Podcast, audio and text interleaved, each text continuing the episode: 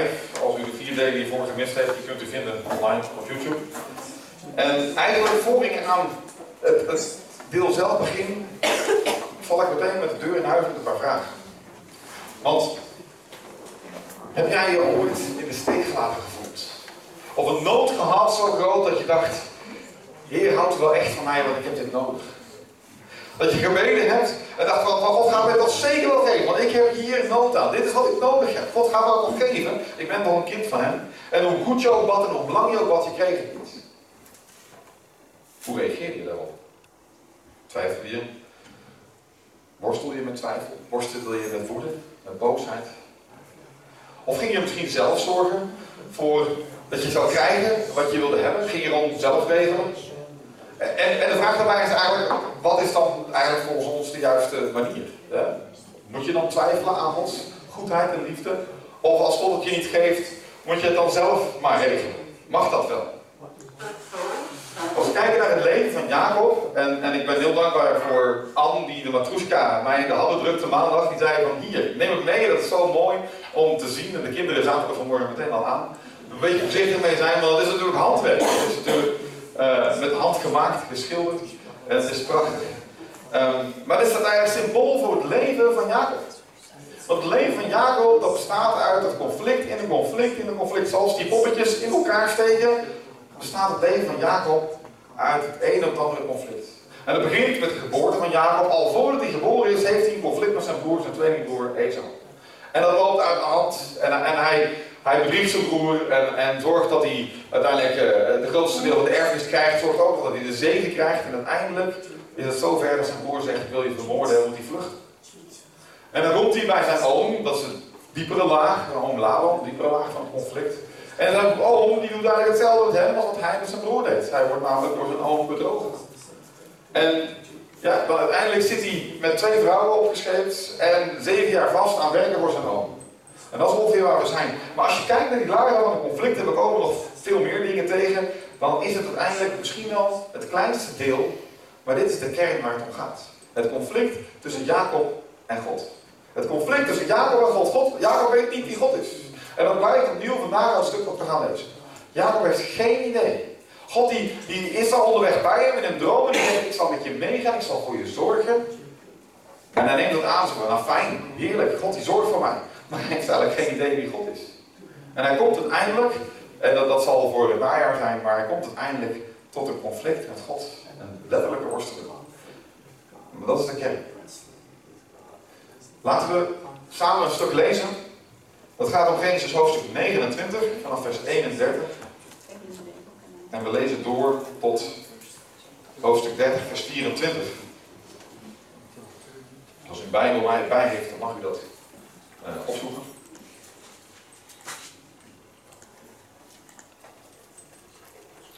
Toen de Heer zag dat Jacob minder van Lea hield, daar waren we geëindigd. Hè? Uiteindelijk trouwt hij met Rachel en Lea in dezelfde week. En dan staat er, hij was getrouwd met, Rachel, uh, met Lea en Rachel, maar van Rachel hield hij echt. Dat is wat, wat God allemaal ook ziet. Meer dan van Lea. En toen de Heer zag dat Jacob minder van Lea hield, opende hij haar moeders schoot. Maar Rachel bleef onvruchtbaar. Lea werd zwanger en bracht een zoon ter wereld die ze Ruben noemde. Want, zei ze, de Heer heeft gezien wat ik te verduren heb. Nu zal mijn man van mij houden. Ze werd opnieuw zwanger en bracht nog een zoon ter wereld. De Heer heeft gehoord hoe weinig mijn man van mij houdt. Daarom heeft hij mij nog een zoon gegeven, zei ze. En ze noemde hem Simeon. En weer werd ze zwanger en bracht ze een zoon ter wereld. Nu heb ik drie zonen. Nu ik hem drie zonen heb gebaard, zal mijn man zich eindelijk aan mij hechten, zei ze. Daarom werd hij Levi genoemd. En nog een keer werd ze zwanger en bracht ze een zoon ter wereld. Nu zal ik de Heer loven, riep ze uit. En ze noemde hem Juda. Hierna kreeg ze geen kinderen meer. Omdat Rachel geen kinderen had, eh, geen kinderen van Jacob kreeg, was ze jaloers op haar zus. Geef mij kinderen, zei ze tegen Jacob, anders ga ik dood. Jacob werd paard en antwoordde, ik ben toch zeker God niet? Hij is het die jou geen kinderen geeft. Neem mijn slavin Bilha dan, zei ze. Slaap met haar. Als zij kinderen baart, zal ik die op mijn knieën nemen.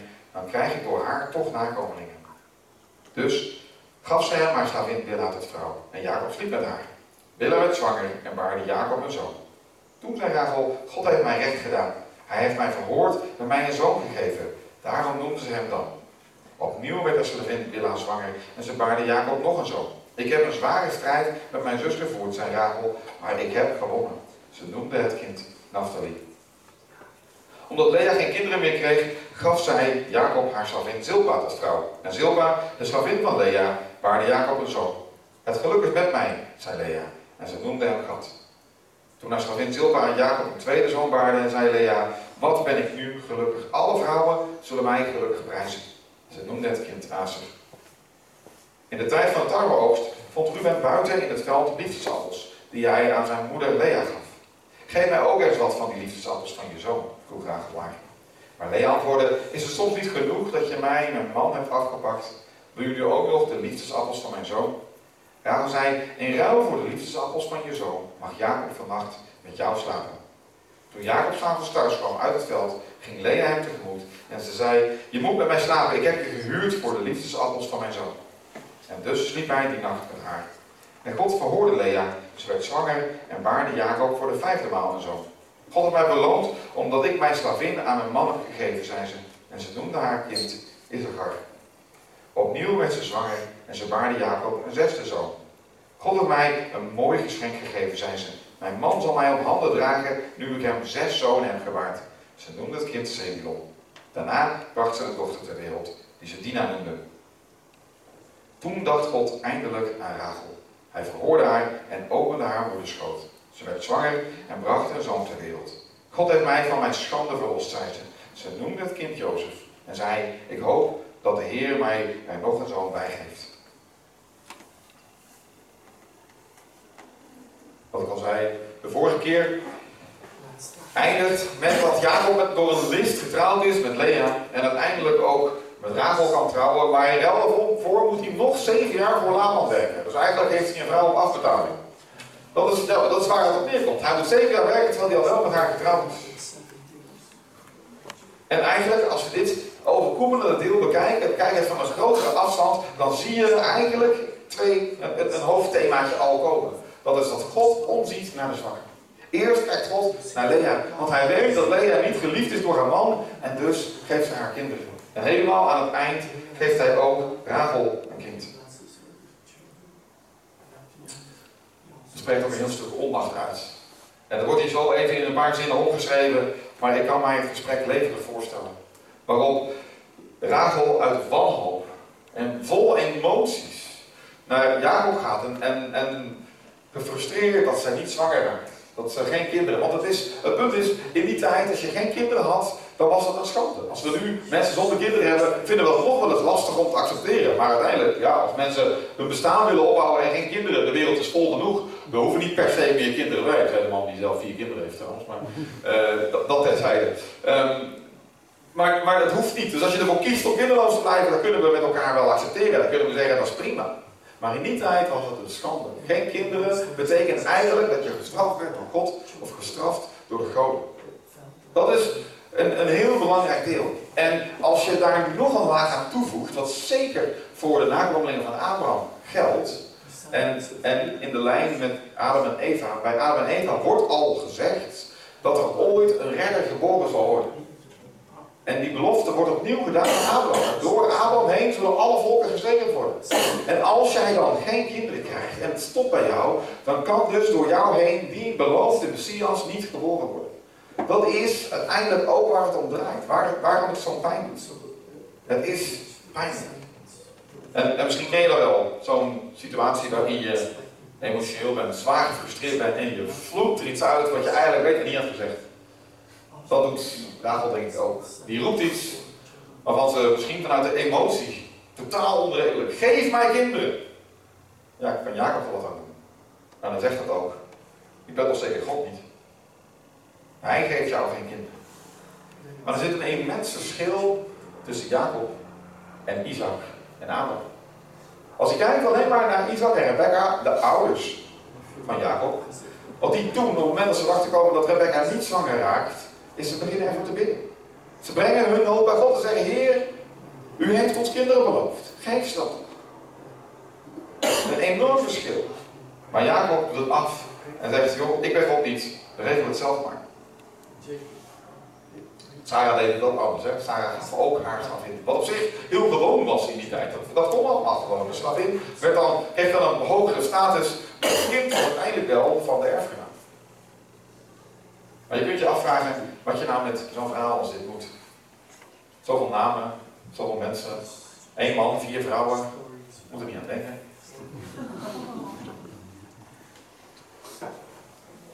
Maar dat is, dat is de diepte toch? Het is een chaos hier in dit hoofdstuk. Het is een enorm chaos.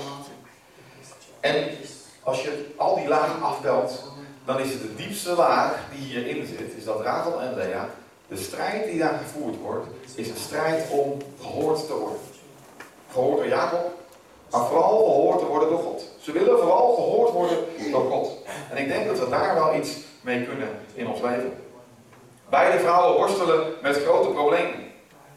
Rachel worstelt met afwijzing omdat ze geen kinderen krijgt.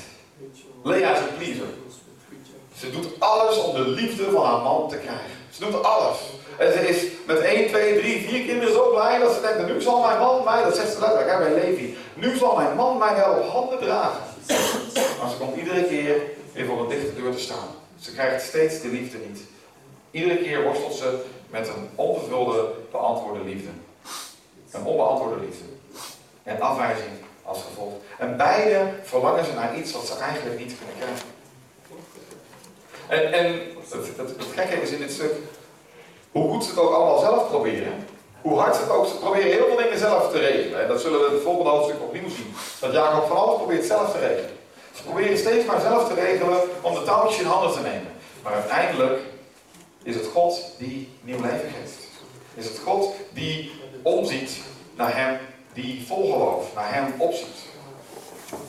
Voor de mensen die houden van de details in de tekst, die, daar, daar, daar zit een, een stukje van gezien worden. Het begint met vers 31 dat God Lea ziet. Toen God Lea zag, staat er letterlijk in het Hebreeuws. God zag Lea dat zij geen liefde kreeg. En in vers 1 van hoofdstuk 30 is het um, Rachel die Lea ziet. Eerst ziet God Lea en hij geeft haar kinderen. Dan ziet Rachel Lea en raakt ze gefrustreerd.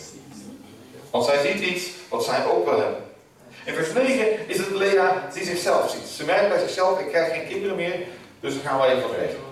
Laat ik mijn slavin ook maar. En in vers 22, daar wordt dan uiteindelijk gezegd, toen dacht God uiteindelijk aan Rachel. Toen zag God eindelijk om naar Rachel. En dat is het moment waarop er ook weer opnieuw kinderen geboren worden. Het is heel opvallend dat het omzien van God wordt genoemd bij Lea en bij Rachel, maar niet bij die twee slavinnen, bij Willa en Zilpa. En eigenlijk illustreert dat ook wat Psalm 127 zegt. Kinderen zijn een geschenk van de Heer. Er zit nog zo'n heel vreemd, tenminste in mijn ogen was het een heel vreemd stuk. Ik moest daar echt tegen op zoeken.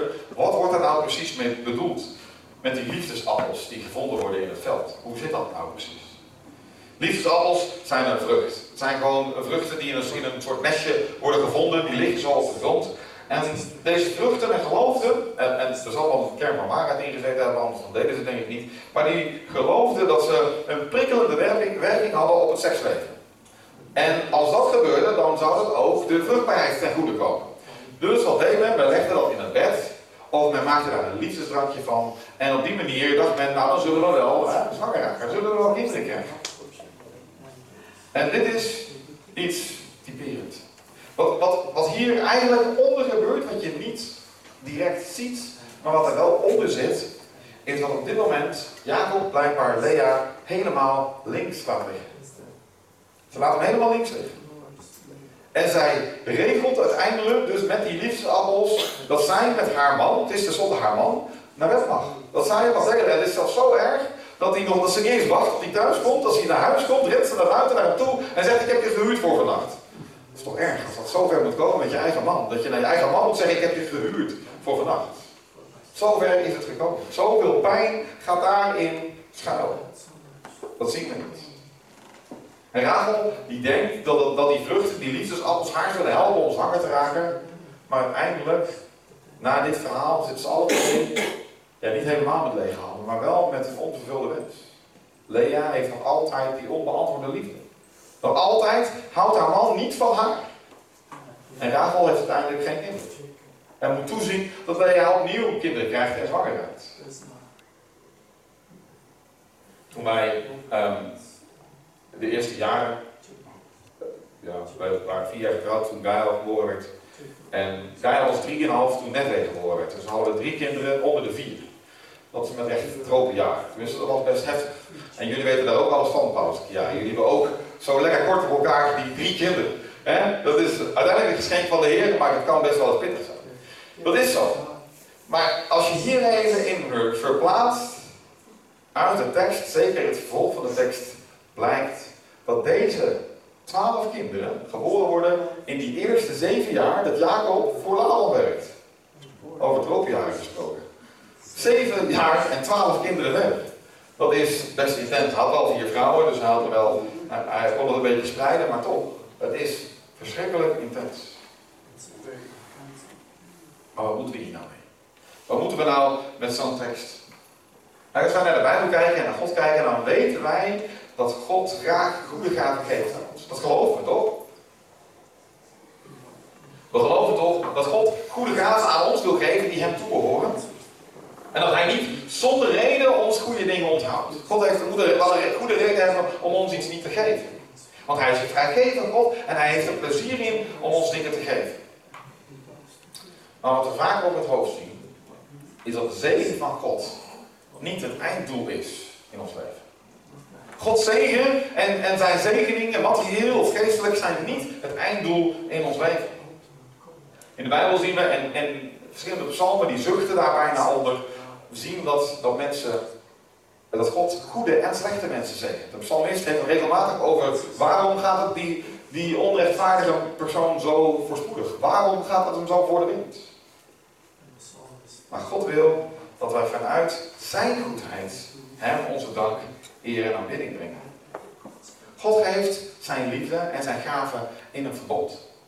En dat wil zeggen dat, dat hij niet dat doet om onze wensen te vervullen. God is niet zoals de geest van Aladdin, die, die, waar je maar even op de lamp kunt wrijven en een wens kunt doen en dan poef, dan is het daar. Zo is het niet God. Dat is niet zijn doel om onze wensen maar te vervullen. Nee, Gods gaven zijn niet los van God verkrijgbaar. We kunnen niet krijgen wat God wil geven zonder dat God daar zelf in meekomt. En dat is zo belangrijk om ons te beseffen. Maar het is soms zo moeilijk. Dat we soms niet krijgen wat we willen. En soms krijgen we niet wat we echt nodig hebben. En, en, en ja, hebben we tekort of, of missen we echt iets. En we willen er al heel lang om en God geeft het niet. En dat is soms zo moeilijk. En als God dan niet geeft wat, wat waar wij om vragen, waar wij om verlangen, houdt God dan niet van ons. Dat kan een vraag zijn die dan ons, ons, ons beklemt, waar we moeite mee hebben. En het is ontzettend cliché, maar daarmee niet minder waar. Want Gods gave, Gods zegen, is elke dag zichtbaar. In de natuur. In voedsel. Ik neem aan dat er niemand hier zit die onvrijwillig zonder eten hier zit. Neem dat iedereen vanmorgen in gelegenheid was om een ontbijt te nuttigen. Als dat niet zo is, dan, dan nodig ik je uit om in gesprek te komen. Want dan moeten we daar wat aan doen. Iedereen zit hier met kleding aan. Gelukkig maar. Maar iedereen zit hier met kleding aan. Dat is ook gewoon een zegen die God ons geeft. Iedereen heeft een huis om naartoe te gaan en een dak boven zijn hoofd. Dat zijn de clichés, maar het zijn de zegeningen die God ons wil geven. En God wil in de eerste plaats dat wij op Hem vertrouwen. Dat we dankbaar zijn voor wat Hij geeft. Dat we dankbaar zijn, op Hem vertrouwen en Hem eer geven, in plaats dat we op zoek gaan van zegening naar zegening. Paulus heeft het ook niet over, we gaan van zegen naar zegen, maar we gaan van glorie naar glorie, van heerlijkheid naar heerlijkheid. Dat is iets totaal anders. En toch, als we teruggaan naar het verhaal, dan zie je dat Rachel en Lea alle twee willen wat de ander wil graag kinderen. En als ze aan het eind van het hoofdstuk uiteindelijk na zeven jaar een kind krijgt, wat is haar reactie? Hoop God me nog een kind geeft. Het is niet genoeg. Het is niet genoeg wat zij krijgt. En Lea wil de liefde van haar man en hoe hard ze ook worstelt. En, en als ze zeven kinderen verder is, heeft ze nog steeds de liefde van haar man niet. En het antwoord zit ook niet in dat zij maar krijgen wat ze verlangen. De oplossing voor hun problemen is niet dat zij de liefde krijgen en ze heeft totaal terecht. Hè? Lea heeft recht op de liefde van haar man. Jacob komt hier niet goed uit, uh, uit dit stuk van de Bijbel. Jacob laat hier echt steken vallen. Hij had beide vrouwen lief moeten hebben. Dat was zijn opdracht. Hij komt er niet goed uit. Maar de oplossing is niet dat ze ontvangen wat ze willen. Maar de oplossing zit erin, in, um, zoals Lea dat zegt bij de geboorte van Juda. Als we kijken naar die lijn die erin zit, die, um, die namen die, die, zeggen iets. Die namen van die kinderen, als Ruben geboren wordt de eerste, dan zegt ze een zoon. Van hoera, een zoon. Nu zal mijn man wel van mij houden, want ik heb hem een zoon gegeven. En bij Simeon is het, Simeon betekent hij verhoort. Dat God heeft gehoord hoe weinig mijn man van mij houdt. En bij Levi denkt ze, ja nu, nu zal het wel, zullen we wel echt aan elkaar gehecht worden. Dat betekent ook samenhechten. Maar bij Juda is het opvallend. Dan is er ineens een verandering. Juda betekent, ik zal de Heer loven. Dat is ook wat ze zegt, nu zal ik de Heer loven. Het, het toont zo wat er omgaat in leven. En dat ze geliefd wordt, niet geliefd wordt door haar man. En dat ze zo graag het goed wil doen. En ze heeft daar alle recht op. Het zou niet nodig moeten zijn voor haar om zich te bewijzen ten opzichte van haar man. Dat is toch niet nodig. En door Jacob's tekortkoming en door zijn ongeloof en zijn falen krijgen ze niet wat ze wel moeten hebben. Maar het is geen toeval. Dat juist Juda de voorwaarde is van David. De grote koning. En het is geen toeval dat juist Juda de voorwaarde is van onze Heer Jezus. Dat is geen toeval. Want dat zit daarin, nu zal ik de Heer loven. En als wij naar ons leven kijken, en we krijgen helaas lang niet altijd wat we verlangen. We krijgen helaas lang niet altijd waar we op bidden. En soms hebben we hele goede redenen om ervoor te bidden. En hebben we echt recht op te krijgen wat we willen, waar we om vragen. Het kan gaan om geboren, om gezondheid. Het kan gaan om, om een job. Het kan gaan om een partner. Het kan gaan. Vul het maar in. Er zijn zoveel dingen die je kunt vragen waar je echt gewoon kunt zeggen: ja, maar dan mag ik toch om vragen. Ja, dan mag je om vragen. En soms krijg je het toch niet. Want God zegt: Ik wil dat je op mij vertrouwt. Ik wil dat je in eerste instantie mij dankbaar bent. En de grootste dankbaarheid die je kunt hebben is omdat je gelooft in Jezus. Dat door Jezus je vrije toegang hebt tot God. Dat Jezus lijden, sterven en opstanding ons genade geeft. Ons vergeving geeft. En ons een nieuw leven geeft in verbondenheid met God. Vrije toegang tot de Hemelse Vader. Dat is het grootste geschenk wat wij kunnen krijgen. We hebben letterlijk over gezongen, ik ben ik nu pas. Het grootste geschenk wordt ons gegeven. De zegen van God en eindeloos leven. Ik heb daar niet met Doreen, het is helaas, ze moesten weg.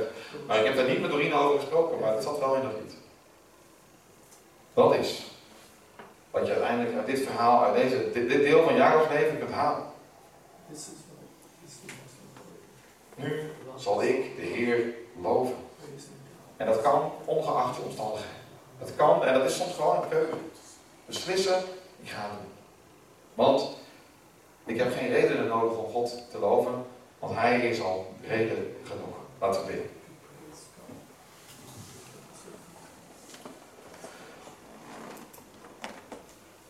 Vader, u kent ieder die hier zit. Kent de mensen die meekijken thuis of dit misschien later terugzien. En u weet van ieder persoonlijk zijn of haar situatie. U weet wat we verlangen. U weet wat we missen. U kent ons door en door, van top tot teen. Iedere haar, iedere vezel. U kent ons helemaal. Heer, en toch moeten we soms wachten op wat u geeft kunnen we soms heel lang met vragen zitten omdat we niet krijgen dat waar wij menen recht op te hebben. Of dat waar we misschien wel met goede reden naar vragen. Hier we willen uitspreken dat we geloven dat u een goede God bent. En dat u niet zonder reden ons dingen onthoudt. En we willen ook gewoon onze ogen richten op u. En u de lof en de eer geven. Want u bent groot genoeg van uzelf. Daar hebben we uw gaven niet verder voor nodig, want u zorgt elke dag voor ons. Heer, als we met de noden zitten, als we met tekorten zitten, mogen we dat opnieuw blijven vragen. We mogen het gewoon bij u troon neerleggen. U kent de dingen die in ons hoofd en in ons hart spelen, die nu naar boven komen. En we willen die dingen gewoon bij u neerleggen en zeggen, Heer, Zie toch, mijn kind gelooft u niet. Mijn kind heeft u niet gevonden. Heer, ik ben op zoek naar een nieuwe job, geef me die. Maar gezondheid laat me in de steek. Misschien wil je letterlijk kinderen. Wat dan ook. Heer, u, u kent ieder van ons hart. En u weet waar we mee worstelen. We vragen of u onze gebeden wilt horen. En we willen ook gewoon zeggen, Heer, dat uw wil mag gebeuren en niet onze wil. Want u bent God en wij niet. Zegen ons zo met uw zegen. In Jezus' naam. Amen. I sing for joy and the sound of your name and the words of your Wil je naar aanleiding van deze preek napraten of heb je verdere vragen? Neem dan gerust contact op. Dat kan via veg.deburg.gmail.com of kijk op onze Facebookpagina VEG De.